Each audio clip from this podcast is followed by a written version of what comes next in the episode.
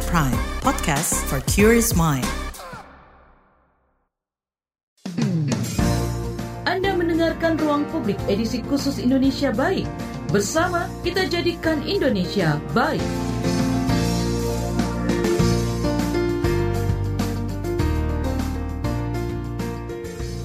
Selamat pagi, kita berjumpa kembali dalam Ruang Publik KBR edisi Indonesia Baik bersama saya Naomi Liandra.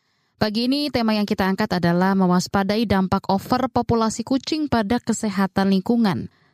Ya, kucing uh, jadi salah satu hewan yang banyak dipelihara masyarakat. Tapi keberadaan kucing liar alias yang tidak dipelihara masih sering sekali kita temukan. Dinas Ketahanan Pangan, Kelautan, dan Pertanian Provinsi DKI Jakarta mencatat pada tahun 2021 populasi kucing ada sekitar 2,8 juta ekor. Populasi kucing terutama kucing liar perlu dibatasi. Overpopulasi kucing ini akan membawa masalah pada lingkungan dan masyarakat seperti yang terjadi di Australia. Bulan lalu, pemerintah Australia berencana membasmi kucing-kucing liar menggunakan racun karena kucing liar sudah dianggap sebagai hama. Di ruang publik KBR edisi Indonesia Baik hari ini, kita akan berbincang dengan dua komunitas yang melakukan berbagai upaya untuk mencegah overpopulasi kucing. Kita akan berbincang dengan Amsul Nababan, Ketua Umum Indonesian Cat Association ICA, dan Carolina Fajar, Head of Operations Let's Adopt Indonesia.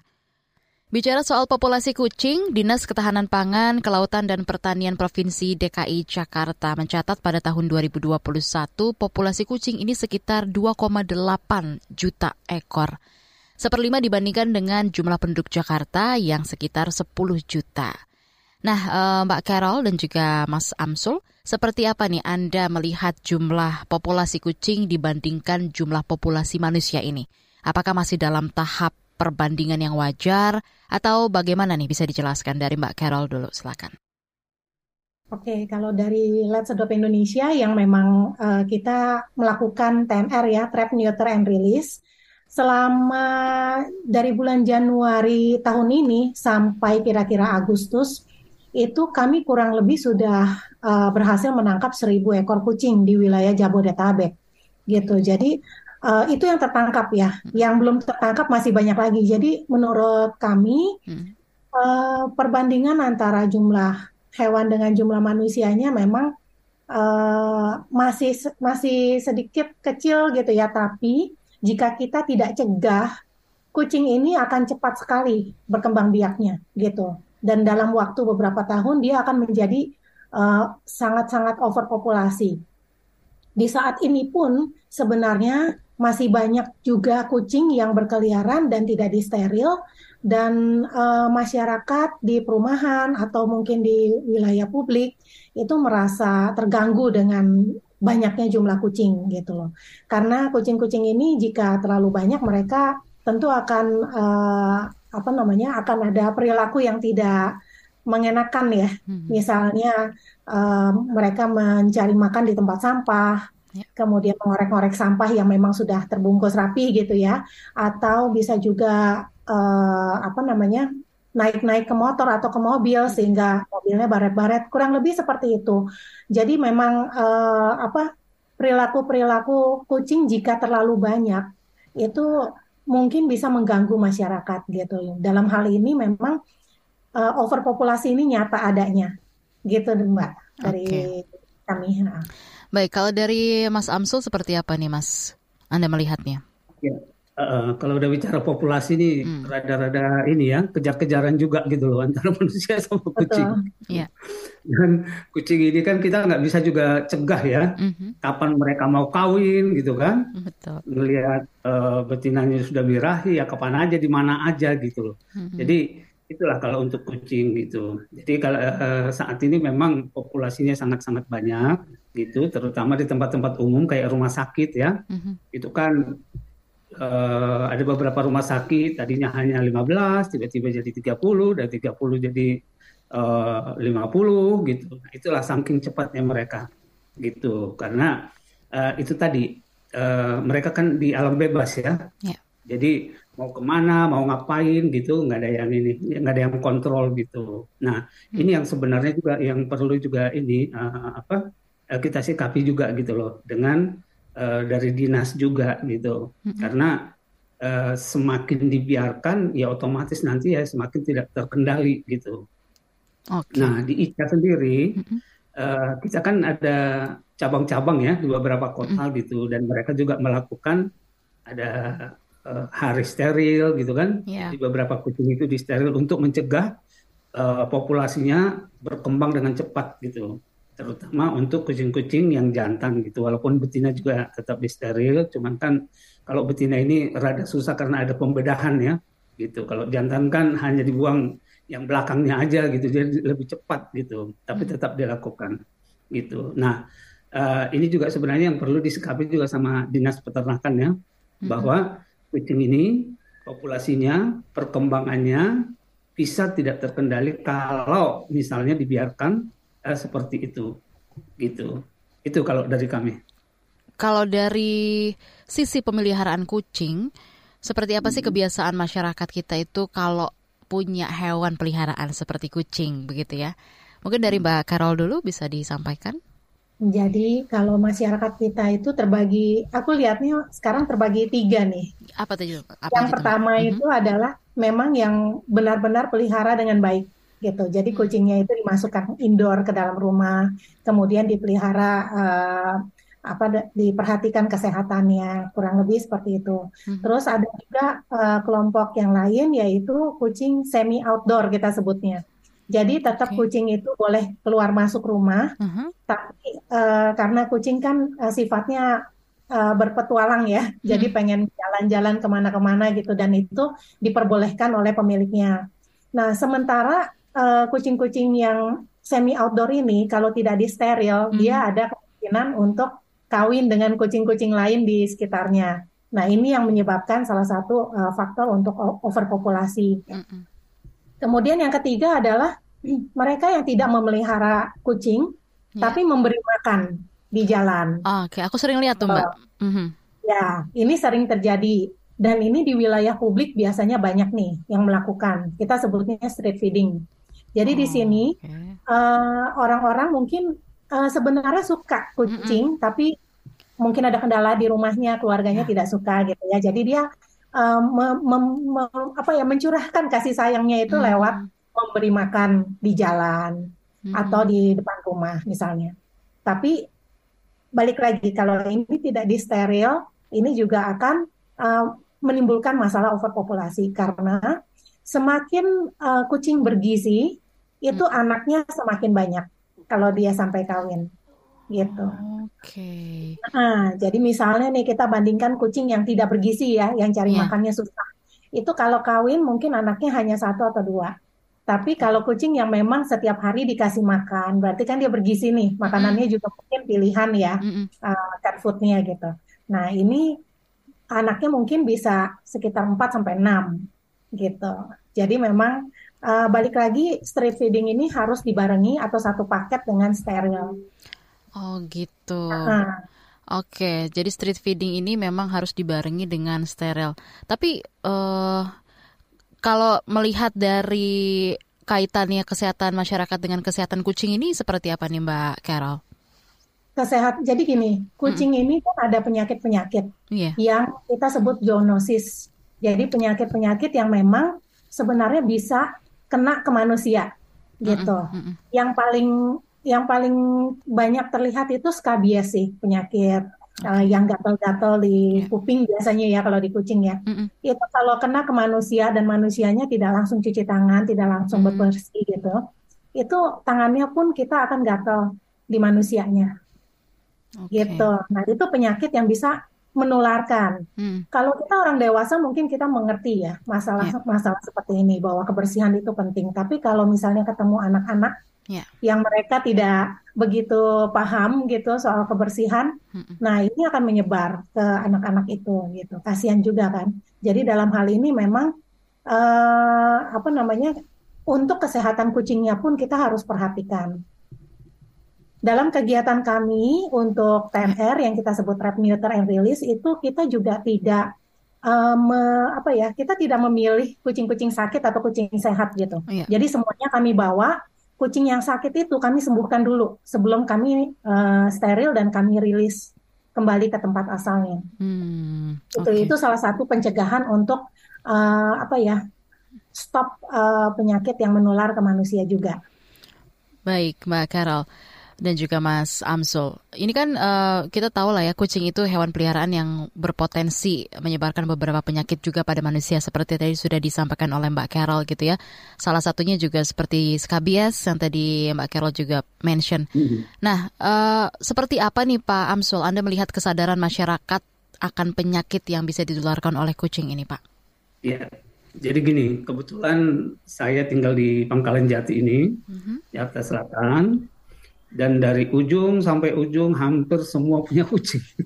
Ujung ke ujung semua gitu. kucing, oke. Okay. Iya, wow, kalau kucing banyak banget gitu loh. Yeah. Nah, uh, kalau saya melihat memang uh, seperti yang Mbak Karol bilang, hmm. ini beda-beda nih, gitu. Hmm. Cara pemeliharaan balik lagi ke masing-masing orang, gitu. Hmm. Hmm. Ada memang yang uh, rajin ya, setiap minggu kucingnya di grooming, dimandikan, hmm. gitu kan dikasih obat itu. Nah, terus ada juga yang hanya membuang kotorannya aja gitu, mm-hmm. tetapi uh, tidak di grooming gitu. Terus ada juga yang uh, ada yang divaksin, ada yang enggak gitu. Jadi saya kadang-kadang kalau udah pagi itu kan suka lewat, ya ngobrol lah gitu. Yeah. Eh, ini kapan nih udah divaksin apa belum gitu? Ngobrol aja pengen tahu gitu sampai sejauh mana sih mm-hmm. mereka ini gitu. Mm-hmm. Nah, uh, jadi memang betul gitu. Belum semua nih masyarakat kita uh, aware ya mm-hmm. tentang penyakit kucingnya gitu. Mereka lebih ke uh, masih banyak yang lebih ke senangnya aja gitu loh. Ini lucu gitu, terus yeah. diajak main apa segala macam gitu. Nah itu itu. Nah ini, ini kan nih perlu edukasi juga ke masyarakat kan, mm-hmm. gitu. Nah kalau di apa di ICA itu memang uh, kita ada yang namanya diklat dasar Tetri jadi ada semacam pelatihan ya. Nah di situ nanti akan dibahas bagaimana cara perawatan, bagaimana nanti uh, apa edukasi ke mereka tentang kucing-kucing yang misalnya nih baru diambil dari luar, kira-kira gimana bisa nggak nanti langsung digabung dengan kucing yang udah ada di rumah, gitu yeah. kayak gitu gitulah. Nah itu edukasi. Nah terus juga nanti dijelaskan beberapa penyakit dari si kucing ini, hmm. gitu yang bisa menular seperti yang biasa tadi gitu kan. Okay. Nah kadang-kadang kan kalau apa seperti Mbak Kenal bilang tadi ya benar ya. Kalau anak anak-anak kan kadang juga nggak nggak nggak aware banget ya untuk ini kalau kita dewasa kan masih bisa lah gitu. Nah biasanya kayak model skebias itu kan mm-hmm. dia bulat-bulat dan gatal bisa di mana aja gitu.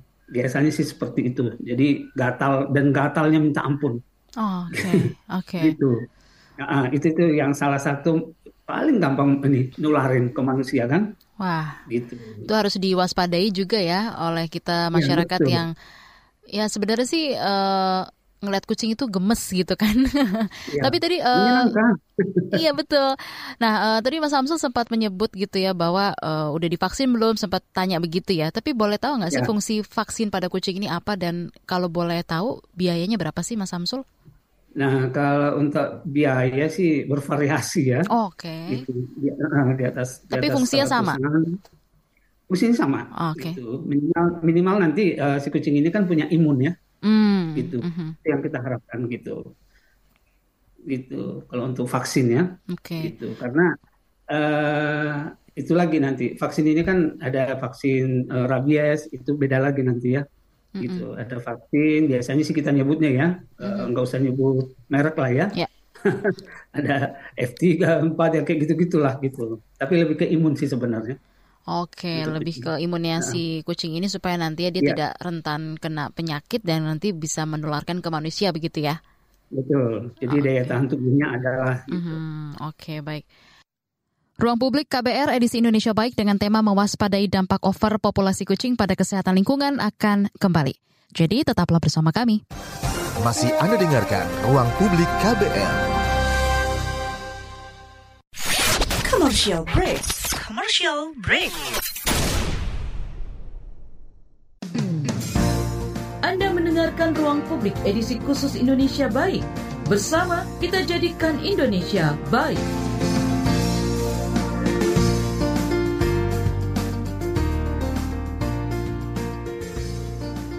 Anda masih menyimak Ruang Publik KBR edisi Indonesia Baik dengan tema mewaspadai dampak overpopulasi kucing pada kesehatan lingkungan. Pagi ini kita masih berbincang dengan Mas Amsul dari Indonesian Cat Association ICA dan Mbak Carol dari Let's Adopt Indonesia. Lalu nih uh, Mas Amsul, seperti apa sih kerentanan masyarakat ini dengan penyakit-penyakit yang uh, apa seiring meningkatkan jumlah populasi kucing ini juga, Mas Amsul? Nah ini kalau misalnya populasinya semakin tinggi, otomatis nanti kan uh, masyarakat tidak semua juga gitu loh bisa untuk menghandle itu semua gitu. Jadi ada keterlibatan sebenarnya yang paling aman adalah ada keterlibatan dari pemerintah gitu mm -mm. untuk uh, apa untuk bantu juga gitu. Jadi jangan dilepas ke masyarakat semuanya gitu karena masyarakat pun sebenarnya nih kalau hmm. misalnya kita sudah melihara kucing itu balik lagi nih kita harus bicara tentang kemampuan kemampuan waktu kita untuk merawat ada yeah. apa enggak gitu. Kemampuan kita uh, untuk tenaga kita meluangkan ya. Hmm. Jadi tenaga kita untuk uh, merawat si kucing itu ada apa enggak? Kemampuan kita untuk memberikan tempat yang nyaman buat si hmm. kucing itu ada apa enggak? Nah, terus kemampuan finansial kita gitu. Karena untuk merawat satu kucing aja kan ya. lumayan yeah. gitu. Mulai dari vaksinnya, nanti periksa ke dokter, obat cacing, terus memberikan makanan yang layak, gitu, yang kayak gitu-gitu. Nah, itu balik lagi gitu loh ke, ke ini ke masyarakatnya atau ke orangnya gitu. Mbak Carol, di Australia ini kan kucing liar sudah dianggap hama dan akan dimusnahkan. Kapan kucing ini bisa dianggap hama dan apakah di Indonesia hal yang sama juga bakal terjadi? Jadi di Australia itu sebenarnya kan banyak hewan endemik seperti mamalia kecil, burung yang memang sudah lama hidup tanpa ada pemangsa. Nah, kucing itu datang dibawa uh, oleh pendatang dan berkembang biak tidak terkendali sehingga mengancam populasi hewan aslinya yang memang udah terbiasa hidup aman. Di kucing ini kan sebenarnya memang hewan pemburu ya. Jadi ketika kucing-kucing liar ini yang lahir tanpa interaksi manusia, mereka itu benar-benar liar, itu susah ditangkap sehingga untuk TNR itu menjadi kurang maksimal. Nah, dalam hal ini kalau memang benar-benar tidak terkendali populasi kucingnya, hewan endemiknya itu lama-lama bisa punah. Itu yang ditakutkan gitu. Sementara kalau di Indonesia itu mungkin lebih karena overpopulasi kucing sih. Jadi misalnya pup kucing atau pi atau bangkainya gitu yang bikin kualitas hidup kita memburuk. Itu dari segi kesehatan. Belum lagi kalau misalnya memang kucingnya bertambah banyak, perilaku kucingnya seperti mengorek-ngorek sampah atau naik-naik ke atas mobil, kemudian mobilnya kebaret atau naik ke atas motor dan joknya itu dicakar-cakar gitu kan. Nah, itu sebenarnya lebih ke perilaku merusak gitu. Nah, itu yang sebenarnya masyarakat menjadi tidak nyaman dengan adanya kucing yang terlalu banyak. Untuk kejadian uh, di Australia di mana terjadi culling atau pembunuhan, itu kalau di Indonesia itu sebenarnya mungkin ada terjadi di berbagai daerah tapi aku nggak tahu persisnya di mana aja. Tapi uh, aku lihat masyarakat di Indonesia ini sudah mulai terbuka dengan sistem TNR mudah-mudahan TNR ini bisa dilakukan di semua uh, lokasi yang memang banyak populasi kucingnya sehingga uh, terjaga jumlah kucingnya dan antara manusia, masyarakatnya dengan kucingnya itu bisa hidup damai dan harmonis, berdampingan begitu. Oke, uh, Mas Amsul dari Indonesian Cat Association ICA ini udah mm -hmm. berdiri dari 2003 ya Mas ya. Betul. Nah ini juga merupakan wadah komunikasi yang salah satunya bertujuan untuk meningkatkan pengetahuan para penyayang kucing baik tentang perawatan juga kesehatan kucing. Mungkin bisa dijelaskan ya. apa saja sih Mas bentuk kegiatan yang dilakukan ICA ini untuk meningkatkan pengetahuan tentang perawatan dan kesehatan kucing ini? Jadi kalau kita di ICA itu ada yang namanya Diklat Dasar Petri. Itu jadi eh, eh, pendidikan dan pelatihan ke teman-teman yang mm -hmm. eh, apa, siapa pun gitu, siapa pun yang peduli tentang kucing. Jadi kita tidak ini kita tidak batasin. Terus dia mau mengikuti, nanti di sana ada pelatihan, mulai nanti dari mulai perawatan gitu kan, okay. sampai nanti ke nutrisi. Gitu hmm. itu nanti akan dibahas di sana semua. Habis itu nanti baru nanti dibahas lagi bagaimana caranya kalau misalnya breeding yang baik gitu. Nah -hmm. itu juga nanti akan dibahas di sana. Gitu itu salah satu kegiatannya di diklat itu terus yang kedua mm-hmm. kita juga sering mengadakan talk show ya ke mm-hmm. teman-teman ketlover yeah. uh, karena sekarang ini jujur di seluruh Indonesia itu setiap kabupaten itu punya komunitas wow kelompok pencinta kucing biasanya kita sebut cat lover gitu kan okay. gitu nah itu hampir semua di kabupaten itu ada Kebetulan hmm. kemarin saya habis dari Semarang, yeah. jadi ada di sana ada di Kudus, gitu, Purwodadi, gitu. Semua punya punya kelompok-kelompok itu, gitu. Nah, hmm. mereka ini kan ya teman-teman kita yang eh, apa semua ini ngerti, gitu kan? Hmm. Gak juga, gitu. Nah, kitalah yang turun untuk mengedukasi mereka, hmm. bagaimana caranya, gitu. Nah, itu yang yang di Ica lakukan. Nah, terus yang selanjutnya adalah mengadakan seminar-seminar kecil, gitu. Oke. Okay teman-teman cat lover ini. Terus yang keempat adalah biasanya yaitu tadi ada gathering gitu ya, mm -hmm. jadi langsung turun gitu. Jadi nanti kumpul misalnya di lapangan mana, nanti ada dokter hewan yang bicara gitu loh. Itu bawa kucingnya juga dong berarti ya, Mas? Ada yang bawa, ada yang enggak. Oh, Kalau untuk I see. Nah, untuk gitu. diklat terus juga seminar-seminar itu berbayar atau free?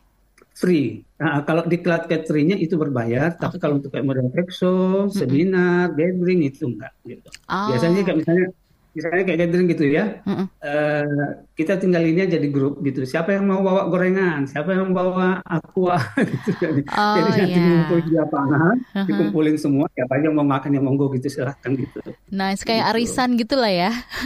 gitu. Nanti ada yang bawa tisu gitu kayak gitu gitu lah buat buat seru buat banget. senang-senang aja. Wah seru seru banget. Itu tadi cerita dari Mas Amsul dari Indonesian Cat Association uh, ICA begitu ya. Nah kalau dari Let's Adopt Indonesia uh, eh, LAI. Ini kan uh, merupakan bagian dari Let's Adopt Global dan juga sudah didirikan dari tahun 2011 ya Mbak Carol ya. Misi utama dari LAI ini menyelamatkan dan memberikan rumah bagi hewan-hewan terlantar sekaligus memberikan edukasi yang mendalam mengenai masalah animal welfare kepada masyarakat Indonesia. Bisa dijelaskan Mbak Carol apa aja kegiatan-kegiatan yang dilakukan LAI ini, Let's Adopt Indonesia? Uh, kami sudah melakukan banyak kegiatan sebetulnya. Jadi fokus utama kami ini selama kira-kira empat tahun belakangan ini ya. adalah sterilisasi kucing liar. Okay. Di mana kami merasa uh, overpopulasi ini akan menjadi masalah yang sangat besar mm -hmm. untuk kita semua ya, nggak cuma untuk mm. pemerintah tapi juga untuk masyarakat. Mm. Uh, dan kami berusaha untuk mengerjakan apa yang kami bisa. Mm -hmm. Jadi kami sterilisasi itu bisa dalam bentuk uh, kami mengadakan acara steril gratis hmm. di mana pemilik bisa membawa kucing liar dekat uh, tempat mereka atau bahkan kucing mereka sendiri hmm. jika mereka memang kesulitan sebenarnya kesulitan keuangan untuk membawa ke klinik gitu ya. Hmm. Kemudian ada juga kita sebut TNR yang tadi kita lakukan di wilayah publik di mana kucing-kucing ditangkap dan akan kami sterilkan di klinik lalu kami kembalikan setelah mereka sembuh gitu. Nah, Selain dari kegiatan ini, kami juga ada kegiatan uh, pengobatan gratis untuk hewan-hewan yang memerlukan peng bantuan pengobatan. Mm -hmm. Dan ini berlaku untuk hewan-hewan yang liar, yang di jalan, okay. atau berpemilik jika pemiliknya memiliki kesulitan finansial, gitu. Okay. Lalu kami ada program kursi roda hewan gratis itu di mana kami mm-hmm. membantu hewan disabilitas yang nggak bisa jalan karena mungkin kakinya mm-hmm. lumpuh yeah. dan nggak bisa kembali ya maksudnya uh, mungkin syarafnya udah kena gitu sehingga hmm. tidak bisa kembali tapi uh, dengan adanya kursi roda ini diharapkan hewan-hewan ini bisa mendapatkan kualitas hidup yang lebih baik gitu. Hmm. Kursi roda tentu aja bukan dipakai 24 jam dalam sehari ya, yeah. tapi paling tidak ada sekitar 20-an menit gitu hmm. mereka bisa merasakan kembali jalan atau lari-lari dengan kursi roda gitu.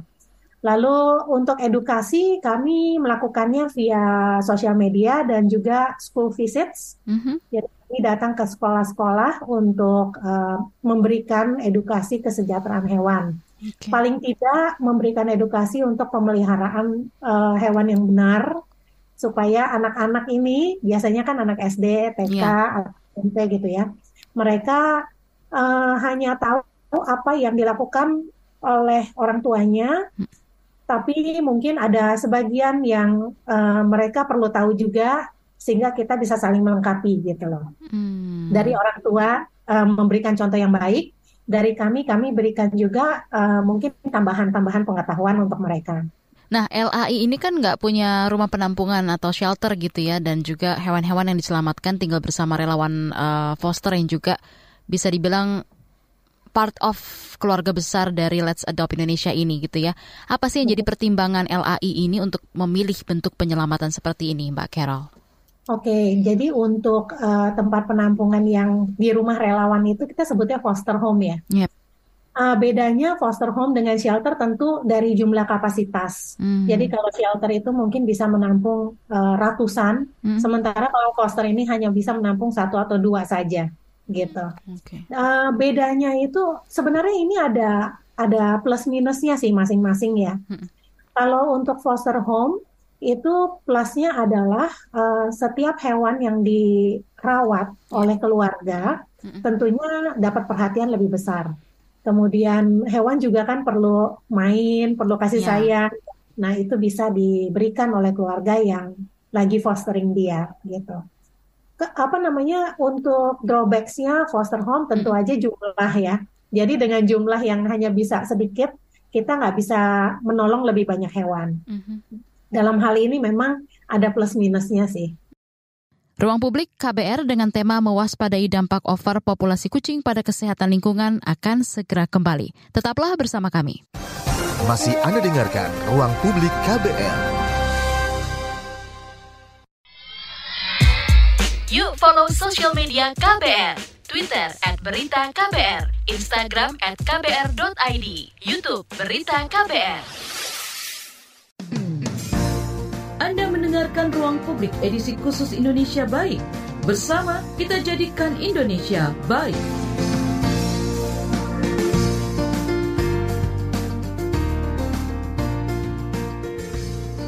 Anda masih menyimak Ruang Publik KBR edisi Indonesia Baik. Kita masih berbincang soal mewaspadai dampak overpopulasi kucing pada kesehatan lingkungan bersama Mas Amsul dari Indonesian Cat Association ICA dan Mbak Carol dari Let's Adopt Indonesia. Nah, eh, berkaitan dengan populasi kucing begitu ya yang sudah sempat dimention juga overpopulasi begitu kan. Bulan Juli lalu kita hmm. dengar kabar soal kematian puluhan kucing di Sunter Jakarta nih yang terjadi baik pada kucing peliharaan maupun kucing liar. Menindaklanjuti kejadian itu, uh, suku Dinas Ketahanan Pangan Kelautan Pertanian Jakarta Utara menggelar program sterilisasi dan juga pemberian vitamin gratis untuk hewan peliharaan di sana. Apa nih uh, yang harus masyarakat ketahui dan lakukan kalau terjadi kasus seperti di Sunter ini, di mana uh, di waktu itu tuh berurutan terjadi kematian kucing? Mungkin dari Mbak Carol dulu, lalu Mas Amsul bisa kasih uh, penjelasan, silakan. Ya. Hmm. Kalau dari kami biasanya kami akan sarankan masyarakat untuk menghubungi RT RW hmm. yang paling dekat ya. Yeah. Jadi dalam hal ini RT RW ini bisa langsung uh, karena lokasinya memang di situ, jadi mereka bisa langsung bertindak dan mereka bisa langsung mencoba menghubungi dinas uh, terkait gitu. Hmm. Nah, sementara itu memang balik lagi uh, masalah ini bisa terjadi juga salah satu faktornya adalah karena kebanyakan kucing. Kita nggak akan pernah tahu nih apakah ya. mereka ini diracun sama orang yang nggak suka kucing ya. Jadi mereka yang merasa terganggu, memang asalnya udah tidak suka kucing, kemudian merasa terganggu dengan jumlahnya yang sangat banyak gitu, jumlah kucing yang sangat banyak. Sehingga dalam hal ini mereka mungkin ambil jalan pintas, meracun gitu. Hmm. Nah, jadi memang balik lagi selalu kita tekankan bahwa sterilisasi ini penting gitu. Nggak cuma sekadar kasih makan, tapi juga harus dibarengi dengan sterilisasi. Yang kemarin ini yeah. Ya. uh, diberikan vitamin juga kan ya. Mm-hmm. Nah itu juga salah satunya adalah untuk memperkuat imun sistem yeah. supaya kucing-kucing ini tidak sakit dan tidak menularkan penyakit zoonosis ini kepada kucing lainnya atau atau manusia. Okay. Jadi dua-duanya memang penting juga untuk dilakukan. Oke, baik. Mungkin dari Mas Amsu? Kalau melihat yang kejadian yang kemarin itu, ya betul ya. Hmm. Kita juga harus apa? Tahu juga di lingkungan kita, misalnya nanti selain orang apa dinas, ya. kita tahu ada klinik mungkin atau dokter hewan gitu. Yang pasti itulah tempat-tempat yang paling ini dulu, yang pertama gitu kan, hmm. untuk membantu gitu. Karena jujur virus dan kalau kucing udah terkena virus ya, jadi itu kan nyebarnya cepat, apalagi overpopulasi. yeah. gitu kan. Nah itu juga bahaya banget gitu. Nah kalau boleh sih sebenarnya kayak yang dibilang Mbak Karol tadi nanti RT RW segala macam ya mm-hmm. orang dinas itu jadi ada ada data lah gitu loh buat teman-teman kita yang memang senang sama kucing. Jadi kalau kucing saya begini, oh saya harus bawa ke mana? Gitu. Oh tempatnya di mana? Gitu. Nah itu juga penting banget gitu. Karena uh, tetap kita harus kembali bahwa yang bisa mengobati dengan baik nyuntik apa segala macam tetap ke dokter hewan gitu loh. Tapi bukan kita gitu. Hmm. gitu. Kalau kayak kita mungkin ngasih vitamin oke okay lah gitu. Tapi yeah. kalau sampai nanti ada tindakan segala macam tetap tetap kita kembalikan ke dokter hewan. Untuk program-program pemerintah gitu ya untuk menangani overpopulasi kucing sejauh ini seperti apa nih Mbak Carol dan juga Mas Amsul melihatnya? Apakah ada kerjasama dengan pemerintah atau seperti apa? Gimana nih Mbak Carol? Kalau dari pemerintah sendiri saya lihat dan saya ikuti juga kebetulan IG mereka mereka ya. uh, sekarang sedang bekerja sama dengan banyak sekali klinik hewan. Ini kita ngomong yang di Jakarta dulu ya. Ya, silakan. Jadi uh, mereka ini bekerja sama dengan eh, klinik-klinik uh, hewan di seluruh Jakarta, tapi memang tidak semua, tapi lumayan banyak jumlahnya untuk mengadakan uh, steril gratis dan vaksin rabies gratis. Ya. Gitu. Kalau dari Let's Adopt sendiri, kami baru akan kerjasama dengan uh, dinas KPKP Jakarta. Hmm uh, untuk nanti kegiatan TMR kami. Lalu kami sudah bekerja sama juga dengan Dinas KPKP untuk sterilisasi kucing liar di Kepulauan Seribu. Mm-hmm. Dan di luar Jakarta kami juga bekerja sama dengan Dinas uh, Disnakkeswan Provinsi Jawa Tengah untuk melakukan sterilisasi gratis dan vaksinasi rabies gratis.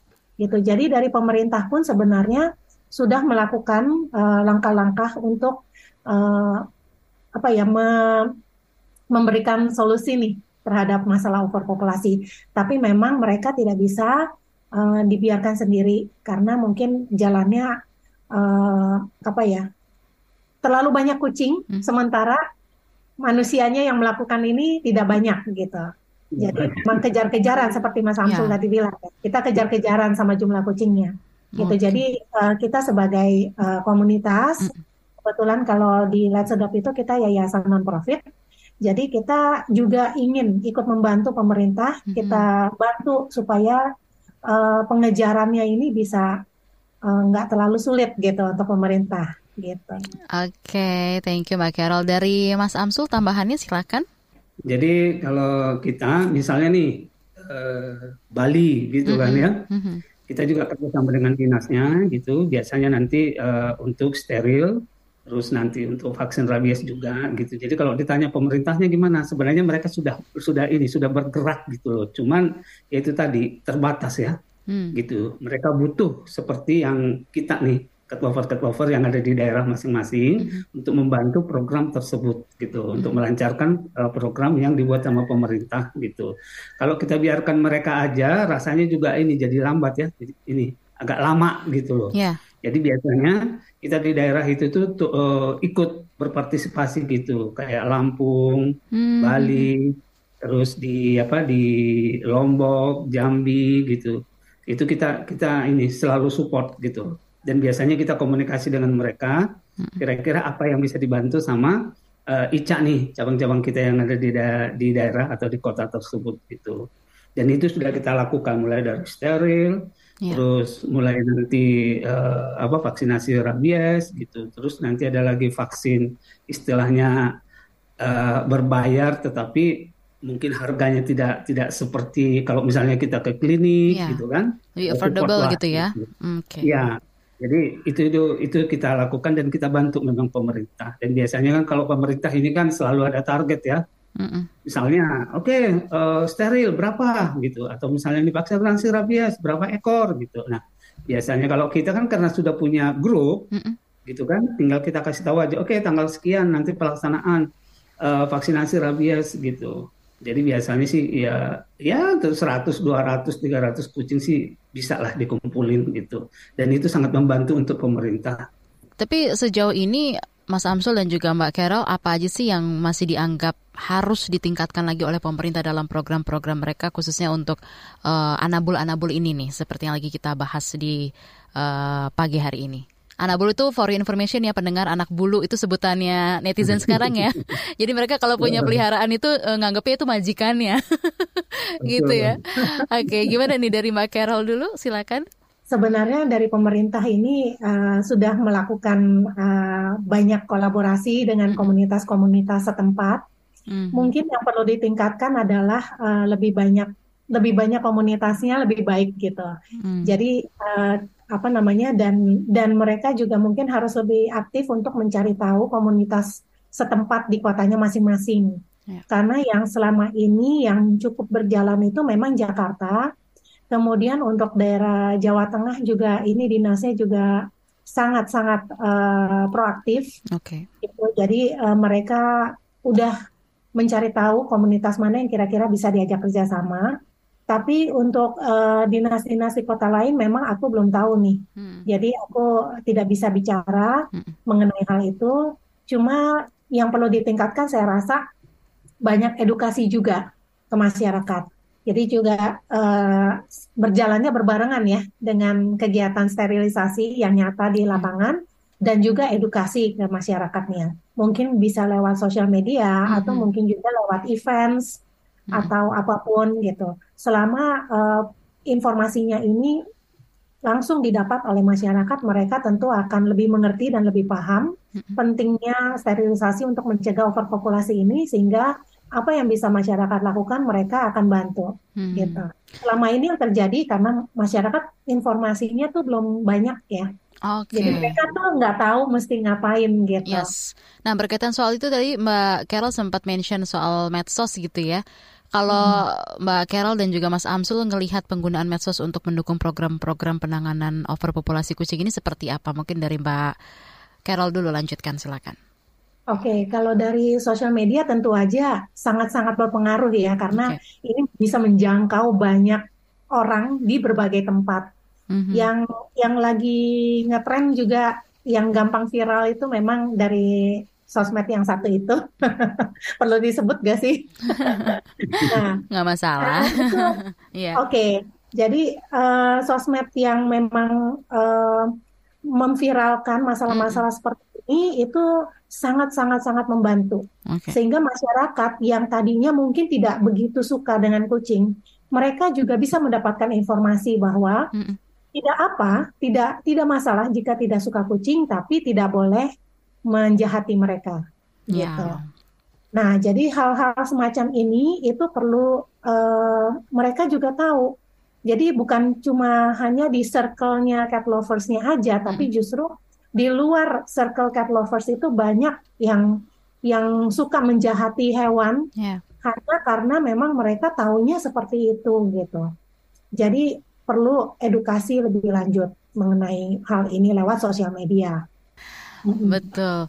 Paling tidak kalau nggak bisa pelihara nggak usah dijahatin lah ya. Kurang lebih seperti itu kan Mbak Carol dan juga Mas yeah. Amsul. Yeah. Dari Mas Amsul sendiri tambahannya seperti apa nih Mas? Silakan. Ya, jadi uh, untuk penyebaran informasi sebenarnya hmm. sosmed ini kan istilahnya ini salah satu yang paling cepat ya, yeah. gitu. Nah, terus sama dari pemerintah mungkin juga harus menggunakan itu hmm. uh, lebih tepat lagi dan lebih sering update ya, hmm. gitu. Ini kadang-kadang kan kalau kita lihat ada ada dinas di sini yang aktif, ada yang enggak, ada ada yang yang cepat menjangkau ke komunitas, ada -hmm. yang tidak. Jadi harapan kita sebenarnya sih uh, mungkin uh, dari pemerintah itu ada program lah gitu minimal apa sekali sebulan adakan pertemuan gitu habis itu nanti ada edukasi gitu kan mm-hmm. supaya penyebaran informasi itu juga bisa lebih merata juga gitu. Setelah jeda ruang publik KBR edisi Indonesia Baik akan kembali. Masih Anda dengarkan ruang publik KBR. Commercial break commercial break. Anda mendengarkan Ruang Publik edisi khusus Indonesia Baik.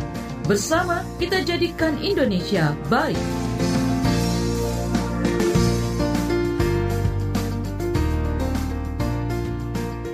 Kita tiba di bagian akhir ruang publik KBR edisi Indonesia Baik hari ini. Masih membahas soal mewaspadai dampak overpopulasi kucing pada kesehatan lingkungan. Baik Mas Amsul dan juga Mbak Carol, mungkin bisa dikasih tips dan triknya nih ya untuk pendengar kalau ingin memelihara hewan peliharaan semisal kucing, apa sih yang harus diketahui dan disiapkan supaya nanti si anabul ini, si kucing ini, dan juga pemeliharanya serta masyarakat sekitarnya juga tetap sehat. Dari Mbak Carol dan juga Mas Amsul, silakan. Oke, kalau dari saya biasanya kita lihat dulu nih kucingnya dapatnya dari mana.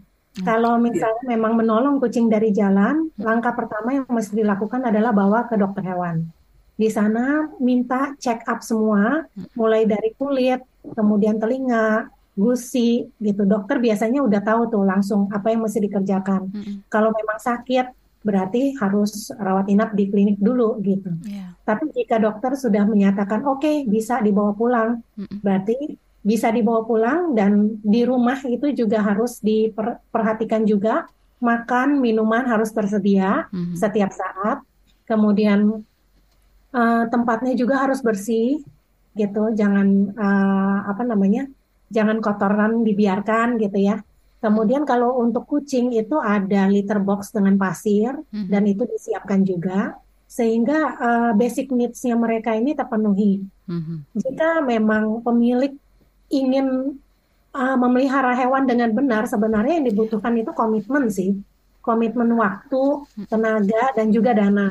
Kalau waktu itu adalah untuk uh, benar-benar memperhatikan, ngajak main, sayang-sayang gitu ya, supaya kucingnya juga bahagia. Karena kalau kucing stres itu gampang sakit.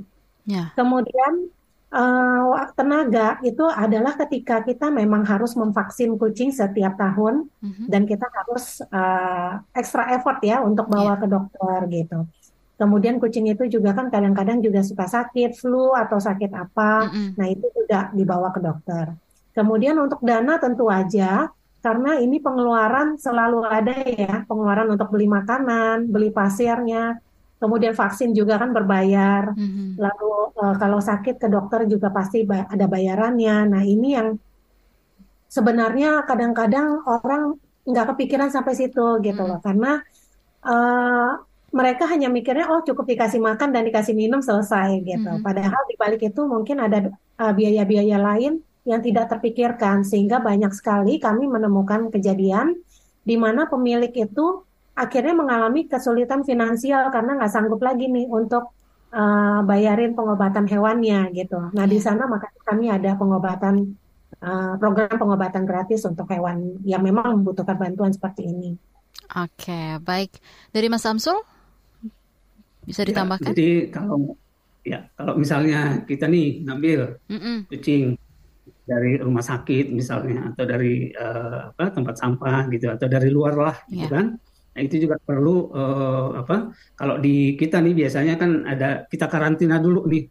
Kan kita nggak hmm, tahu dia iya, bawa iya, penyakit apa enggak, iya. sehat apa enggak, ada kutunya banyak, nah, kayak hmm. gitu gitulah.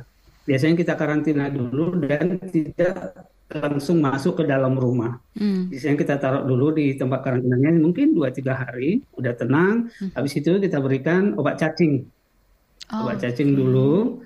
Habis itu nanti uh, udah udah apa sudah mulai makin makin bagus gitu ya uh-huh. kalau obat cacing cacingnya udah keluar segala macam terus makannya udah bagus minumnya udah bagus uh-huh. gitu habis itu uh, kita grooming itu kucing ah, ya yes. kita mandikan kita grooming sambil nanti uh, minimal nanti kutu-kutunya nggak ada ya uh-uh. atau mungkin nanti jamur-jamurnya juga sudah di ini sudah mulai diobati gitu nah habis itu baru kita lanjut lagi ke vaksinasi habis itu uh-uh. kita vaksin gitu supaya nanti apa kalau misalnya kucing tersebut yeah. nanti kita masukkan ke dalam rumah mm -mm. dengan kucing yang sudah ada yang sudah terawat mm -hmm. supaya nanti tidak menularkan penyakit gitu loh jadi yep. daya tahan tubuhnya atau imunnya sama-sama kuat juga dua-duanya gitu jadi karena jujur aja rentan banget kucing kita bawa dari luar itu langsung masuk ke cat room itu yeah. itu sangat bahaya gitu harus ada step by stepnya ya Mas iya, Amsul yeah, dan juga gitu. Mbak Carol. Yeah. Iya. Nggak gitu. serta merta ngelihat kucing lucu di jalan terus ambil bawa pulang langsung di grooming. Iya betul. Mungkin ada yang pernah seperti itu kan ya Mbak Carol dan juga Mas Amsul. ya, ini informasi itu. tambahan dari Mas Amsul ini. Iya, gimana Mbak Carol? ya informasi tambahan dari Mas Samsul ini memang benar-benar hmm. baik banget ya. Jadi Betul. dalam arti uh, apa namanya tidak bisa sembarangan langsung hmm. masuk ke rumah jika hmm. memang dibawa dari luar gitu. Karantina hmm. itu harus, kemudian dari Mas Amsul tadi juga ada obat cacing dan itu memang benar gitu. Hmm. Jadi memang step by stepnya mungkin secara teknis Mas Amsul tadi lebih lebih detail ya. Oke. Okay. Oke, itu Makasih tuh. Mas Amsul tambahannya. Oke. Nah, uh, Mas Amsul dan juga Mbak Carol, kalau ada pendengar kita nih di ruang publik yang mau dan juga suka memberi makan kucing liar, apa yang harus diperhatikan? Kalau dari saya, mungkin bisa aku bisa kasih saran mm -mm. untuk pemberian makanan mungkin bisa dikasih alas dan ditungguin dulu. Jadi setelah memberikan makan itu jangan langsung ditinggal karena satu uh-huh. cat food itu mengundang semut oh, gitu. Iya. Jadi kalau uh-huh. dibiarkan itu semut akan datang. Kemudian kedua, cat food yang dibiarkan begitu saja, hmm. kalau kena hujan atau kena air, tumpahan, hmm. itu dia akan uh, apa ya namanya uh, melebar gitulah. Dan kucing biasanya nggak mau makan kalau kayak gitu hmm. dan akan ditinggal. Dan itu akan menjadi sampah gitu. Yeah. Jadi makanya kenapa di wilayah publik Kadang-kadang orang tuh suka tidak memberi izin gitu ya, yeah. karena sampahnya itu gitu. Jadi kalau dalam hal ini uh, street feeder di mana pun, mm-hmm. kalau memang mau memberikan makan itu ditungguin aja, mm. nggak usah banyak-banyak, sedikit aja ditungguin. Yang penting kita lihat dia makan. Mm-hmm. Jika masih ada sisanya bawa aja. Kenapa? Nggak usah takut kucing itu nggak dapat makan, karena street feeder itu banyak. Jadi, di stasiun benar. itu kita melihat sendiri mm-hmm. pengguna KRL itu ada yang memberikan makan, mm-hmm. kemudian kucingnya udah makan nih, mm-hmm. lalu kucing yang sama diberikan lagi makan oleh pengguna KRL yang uh, jadwal berikutnya. Oh gitu. Karena okay. orangnya berbeda kan, orangnya nggak yeah. tahu kalau kucing ini udah dikasih makan, kita kan ngeliatin kucingnya. Oh, Oke. Okay. Jadi kucingnya nggak mau makan gitu, karena dia udah makan dari makanan yang sebelumnya, hmm. gitu. Tapi kan karena ditinggal, hmm. makanannya di pinggir gitu, hmm. itu bisa menjadi sampah. Jadi gitu. kalaupun mau kasih makan kucing liar harus ditungguin ya, Mbak Carol. Iya, sebaiknya ditunggu. Nggak hmm. maksud tadi hanya, yang penting udah dikasih, tapi harus diperhatikan juga. Kalau memang niatnya mau kasih makan gitu ya. Oke, okay, hmm, baik. Dari Mas Samsul gimana Mas Samsul? Ada yang mau ditambahkan? Silakan. Ya, kadang-kadang juga ini sedih juga ngelihat ya, hmm. yang feeding ini niatnya memang baik, ya. tapi ternyata kalau dipikir lagi kan hmm. akhirnya bisa membawa dampak buruk juga buat kucing yes. gitu. Saya sering ngeliat beli satu saset, mm robek langsung ditaruh di situ di di di, di jalanan kan. Mm Nah itu seperti yang Mbak Carol bilang tadi itu kan membawa penyakit juga gitu. Mm. Apalagi nanti misalnya sudah ada semut, terus makanan sebenarnya dry food itu kalau udah masuk angin juga kan nggak bagus juga buat kucing gitu. Ya. Yeah. Nah, itu itu yang ini. Jadi kalau boleh sih sebenarnya saran kita sih buat teman-teman pencinta kucing yang suka street feeding gitu bawa lah tempat gitu ya, terus bawa tisu, bawa plastik gitu karena nanti kalau udah selesai dirapikan mm-hmm. ya kan, terus nanti di, di di apa untuk tempatnya itu ya dilap segala macam masukin plastik ya dibawa lagi pulang gitu loh. Jadi jangan ditinggal lagi gitu. Terus satu lagi kalau dry food mm-hmm. kita kan ngelihatnya kering ya. Yeah Nah, ini kadang-kadang yang wet foodnya ini dibuka kalengnya, mm-hmm. udah ditaruh aja di situ gitu. Nah, itu juga mm-hmm. uh, nggak bagus juga gitu. Sebenarnya kalau misalnya mm-hmm. uh, kita mau agak sedikit ya, sedikit agak capek gitu. Mm-hmm kan banyak sekarang tuh plastik-plastik yang ada tutupnya yang kecil-kecil gitu, itu aja kita bawa. Terus bawa tisu sama bawa plastik gitu. Oke. Okay. Jadi kalau udah selesai ya kita rapikan ini, terus baru kita tinggal gitu. Nah kalau ditinggal begitu aja seperti yang Mbak Karol bilang tadi. Gitu. Ya, jadi terkesan ya. tidak bertanggung jawab juga ya? Iya, niatnya bagus ya. gitu. Uh -huh. gitu, karena jujur, uh -huh. kalau kucing ini sangat rentan dengan penyakit. Ya dia ganti pakan bisa diare mm gitu. Kalau nggak biasa makan itu udah dia diare gitu. Kan kasihan juga kucingnya. Jadi seakan-akan kita jadi nyiksa juga gitu. Hmm oke. Okay. Demikian ruang publik KBR edisi Indonesia Baik dengan tema mewaspadai dampak overpopulasi kucing pada kesehatan lingkungan. Terima kasih untuk narasumber kita pagi ini. Ada Amsul Nababan, Ketua Umum Indonesian Cat Association ICA, dan Carolina Fajar, Head of Operation Let's Adopt Indonesia. Terima kasih juga untuk Anda pendengar yang sudah menyimak Ruang Publik KBR edisi Indonesia Baik pagi ini. Saya Naomi Liandra pamit undur diri. Salam. Baru saja Anda dengarkan Ruang Publik KBR. KBR Prime, cara asik mendengar berita. KBR Prime, podcast for curious mind.